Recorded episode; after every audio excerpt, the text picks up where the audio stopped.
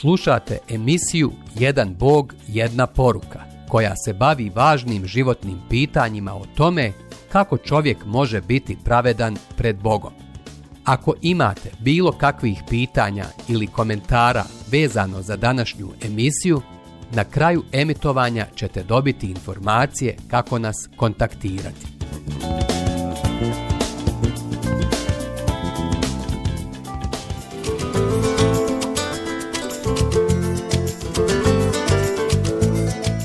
Jedan Bog, jedna poruka. Deveto poglavlje Niko nije poput njega. Sagledavanje slojevitosti Evo šta mi je neko pisao baš povodom ovih dubokih misli o množinskoj međuodnosnoj prirodi Božjoj. Bog nam je poslao proroke da bi nam se objavio kao jedan i jedini. Zašto onda ne poslušate i ne prihvatite tu njegovu riječ? Zašto ga raslojavate, gulite slojeve kao na luku, raščlanjujete ih jedan po jedan? Zašto ih jednostavno ne spojite? Svakako je tačno to da nikada nećemo uspjeti shvatiti sve o našem neizrecivom stvoritelju. Ali pošto nam je on sam objavio toliko velikih istina o sebi u spisima proroka, ne bi li trebalo težiti njihovom razumijevanju? Ako uopšte želimo razmišljati o Bogu, onda razmišljajmo valjano. Dakle, većina nas će se složiti da je jedan, ali šta nam je on taj i takav objavio o sebi? Šta možemo otkriti o njemu u Bibliji? Baš kao kada ljuštimo luk, sloj po sloj. Ukratko, Biblija nam kazuje o Bogu koji je ličnost, koji je saznatljiv i pouzdanja vrijedan, o Bogu koji je jedno sa svojom riječi i svojim duhom. U svojoj nedokučivoj uzvišenosti Bog nam se jasno poistovjetio sa Ocem, njegova riječ sa Sinom, a njegov duh sa Svetim duhom. Ovo trojako razlikovanje postoji unutar jednog i jedinog pravog Boga. Ali Hajdemo pogledati Bibliju koja nam sama raslojava ovu istinu. božji sin Biblija je ovdje jasna. Riječ koja je od početka bila sa Bogom i koja je nazvana Bog jeste njegov jedini sin. U početku biješe riječ, i riječ bijaše u Boga, i riječ bijaše Bog. Boga nitko nikada ne vidje, jedinorođenac, Bog, koji je u krilu očevu, on ga obznani. Tko vjeruje u njega, ne osuđuje se, a tko ne vjeruje, već je osuđen što nije vjerovao u ime jedinorođenoga Sina Božjega. Ivanovo evanđelje, prva glava, prvi stih i osamnaesti stih, treća glava, osamnaesti stih. Senegalci često burno reaguju kada čuju pojam Sin Božji, i mrmljaju, estag firulag, što je arapska formula koja ima sljedeće značenje. Neka ti Bog oprosti za takvo bogohuljenje. Kada bi mi sagovornik rekao tako nešto, ja bih mu najčešće uzvratio sljedećom poslovicom. Prije nego klepiš pastira po ustima, budi siguran šta je to viknuo. Ljudi se obično na to nasmiju, pa nastavimo sa objašnjenjem. Prije nego odbacite i sam pojam i sin, barem provjerite šta Bog kaže o njemu. Naime, Biblija sadrži više od stotinu stihova, mjesta koja jasno i glasno govore o Božijem sinu. Ali nijedno od tih mjesta nipošto ne govori o tome da postoji više bogova, posebno ne da se Bog oženio i dobio dijete, kako se često tumači sve ovo. Upravo takvo poimanje je zapravo bogohuljenje koje otkriva plitko poimanje Božije svete knjige. Bog nas poziva da mislimo kao što On misli. Visoko je iznad zemlje nebo, tako su puti moji iznad vaših puteva i misli moje iznad vaših misli. Knjiga proroka Izaije, 55. glava, 9. stih. Ima tome dosta godina kada je jedan dobro poznati senegalski preduzetnik poginuo u saobraćajnoj nesreći. Novine su pisale da su mu dvije 2000 zaposlenih bile kao rođena djeca i žalile ga kao velikog sina Senegala. Znači li to da je ovaj uglednik imao polne odnose sa mnogim ženama koje su mu rodile sve te sinove za radnike? Daleko bilo. Senegalcima nije problem da svog velikana oslovljavaju na ovaj način. Prosto, postoji osjećanje za ono što taj izraz znači i za ono što ne znači. Elem, pojam sin se inače koristi na više načina. Kada Arapi govore o putniku kao sinu puta, znamo na šta misle. Kada Bog o svojoj riječi govori kao o svom sinu, onda bismo također trebali znati šta to znači. Zato hajde da se ne rugamo titulama i nazivima koji veličaju našeg stvoritelja. Više puta i na više načina Bog nekoć govoraše ocima po prorocima. Konačno, u ove dane progovori nama u sinu. Njega postavi baštinikom svega, njega po kome sazda svjetove. On, koji je i slave i otisak bića njegova, te sve nosi snagom riječi svoje. Hebrejima poslanica prva glava od prvog do trećeg stiha.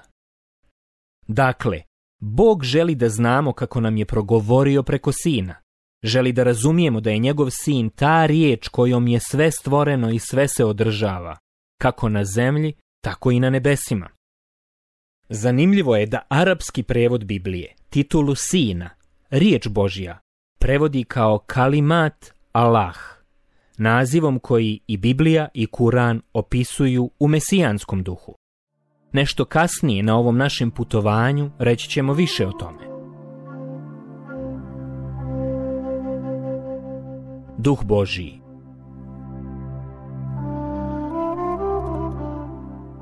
Kao što je jedno sa riječju, sinom, Bog je također jedno sa svojim duhom svetim. Božiji duh svet je bio uključen i u stvaranje svijeta i u nadahnuto pisanje svete knjige, Biblije. Rekli smo da druga rečenica knjige postanka glasi I duh Božji lebdio je nad vodama, a tiče se stvaranja svijeta.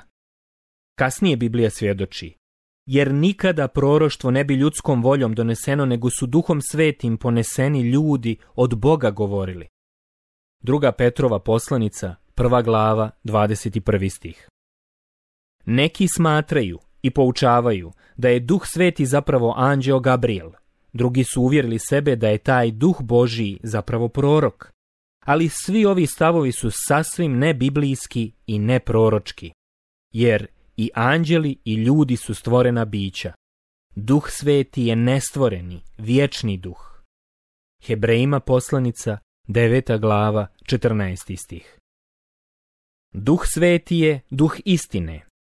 Ivanovo evanđelje, 14. glava, 17. stih po kome Bog ostvaruje svoje naume na svijetu. On je pomagač. Ivanovo evanđelje, 14. glava, 16. stih. Neko ko nam u bliskom odnosu objavljuje Boga, praktično, svima koji vjeruju u Božju poruku. Mnogi na svijetu danas znaju o Bogu, ali ne poznaju njega samog. Takvo znanje nije zadovoljavajuće za obe strane, ni za Boga, ni za čovjeka. Duh sveti nam čini mogućim da sa Bogom uživamo u ličnom, neposrednom odnosu. Kasnije ćemo također naučiti više o Božijem predivnom svetom duhu. Nego da vas pitam, kako vam do sada ide putovanje? Previše toga smo spomenuli do sada. Da, znam, ove misli nije lako dokučiti i obuhvatiti. Neki smatraju da su njihova religija i sve definicije Boga istinite, jer su tako jednostavne. Možda njihove definicije jesu takve, ali Bog svakako nije takav. Jer misli vaše nisu moje misli i puti moji nisu vaši puti. Riječ je Jahvina. Knjiga proroka Izaije, 55. glava, 8. stih. Dovijeka 1.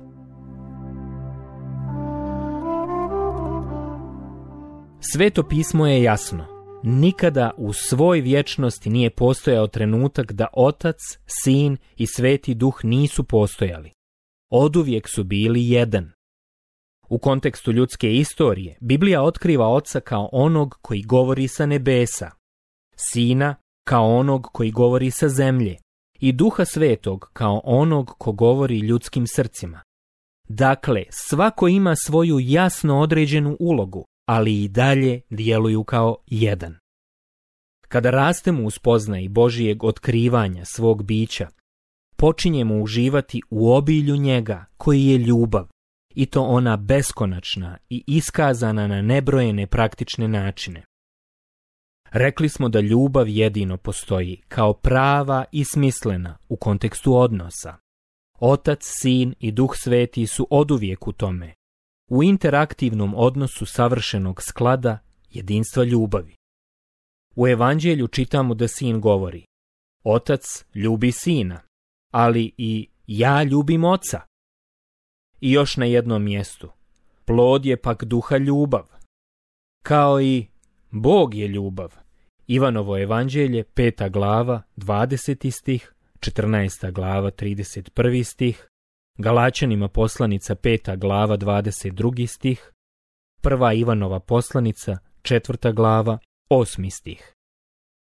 Najbolji ljudski odnosi, kakvi su jedinstvo supružnika, veze roditelja i djece, proističu baš iz toga ko je Bog. Svi ti zemaljski odnosi, naravno u svom najboljem izdanju, ipak su blijeda slika Božijeg jedinstva i ljubavi, odnosa koji nam uliva strahopoštovanje. Naš stvoritelj je taj prvobitni izvor, taj model i svrha svega dobrog. A ono najbolje, kod istine, da je Bog ljubav, jeste u njegovom pozivu svima nama, pozivu na blisko zajedništvo s njim do vijeka. On prosto žudi da mu vjerujemo, da se pouzdamo makar kako i koliko nam bio nedokučiv i neobjašnjiv. Bog je pouzdanja vrijedan. Govorili smo o božanskom šestodnevnom stvaranju. Ako bismo ga postavili kao matematičku jednačinu, evo kako bi izgledala. Dan prvi. Bog je svet. Dan drugi. Bog je svemoguć. Dan treći. Bog je dobar. Dan četvrti. Bog je vjeran. Dan peti. Bog je živ. Dan šesti.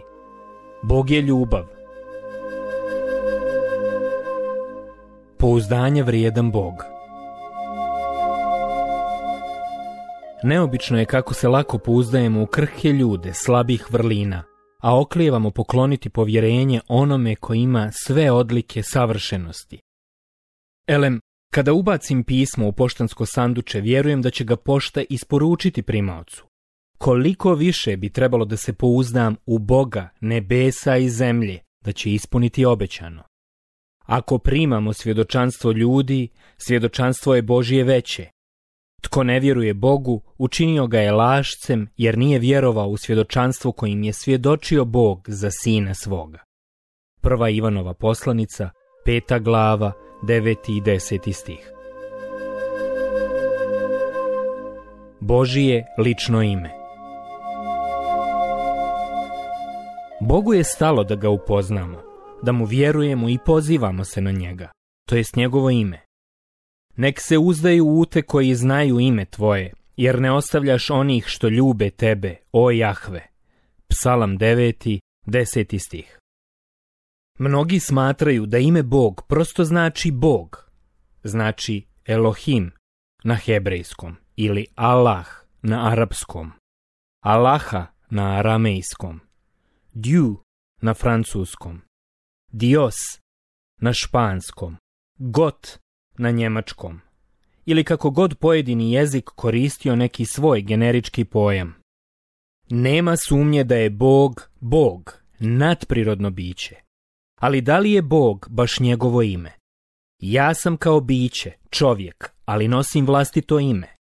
Bog jeste Bog, ali također ima imena koja nam je sam objavio i kojima nas poziva da mu se obraćamo kao osobi. Neki ga zamišljaju kao nepoznati izvor energije, poput gravitacije ili vjetra, kao silu oslikanu u popularnim naučno-fantastičnim filmovima i serijama. Ali to nije biblijska o Boga. On je suverena ličnost koja želi da ga upoznamo na ličnom nivou. Ovakva o Boga ne samo da je biblijska, već je i sasvim logična.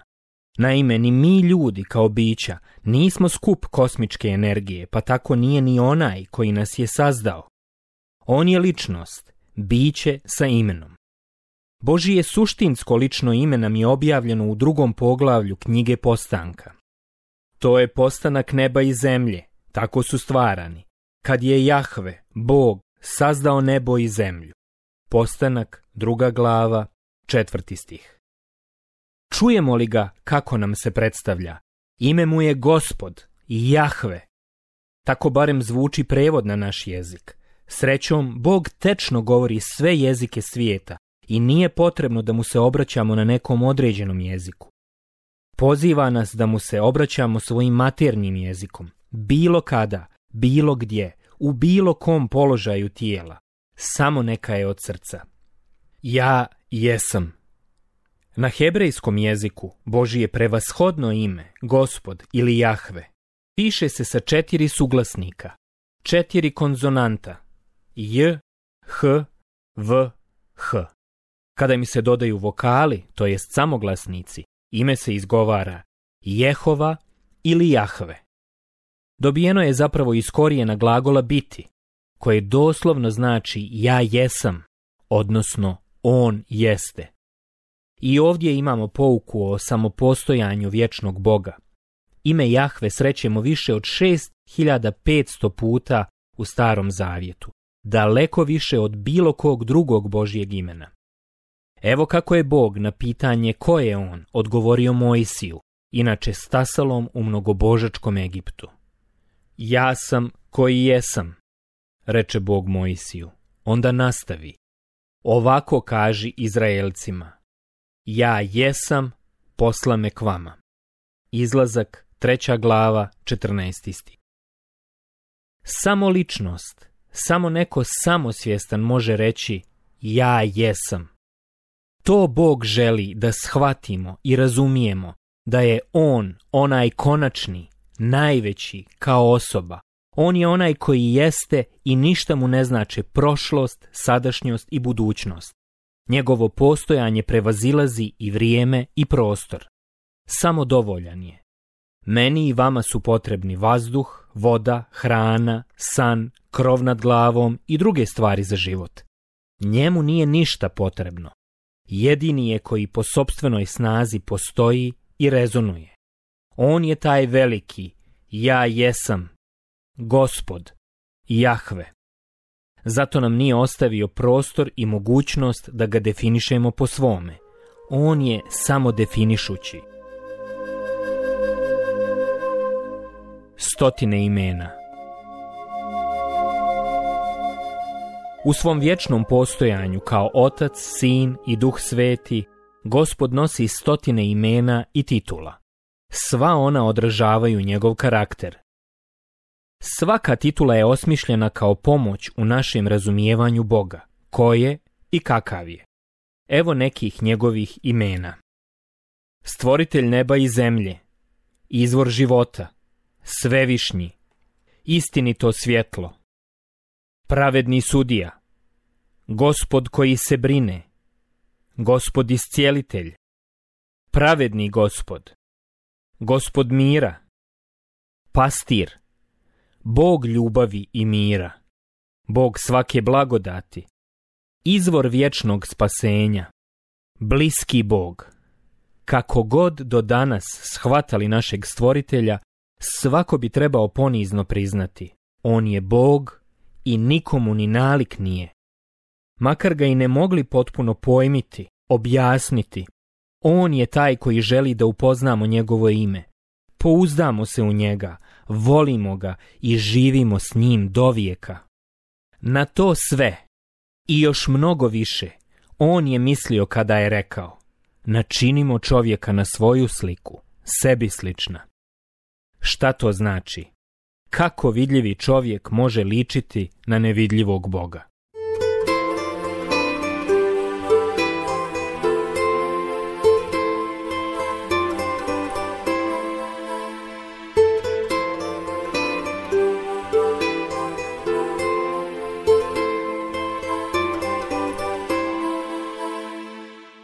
Hvala vam što ste slušali današnju emisiju. Kontaktirajte nas putem našeg e-maila putpravednosti.bih.gmail.com gmail.com ili putem naše Facebook stranice Put pravednosti. Do sljedećeg slušanja.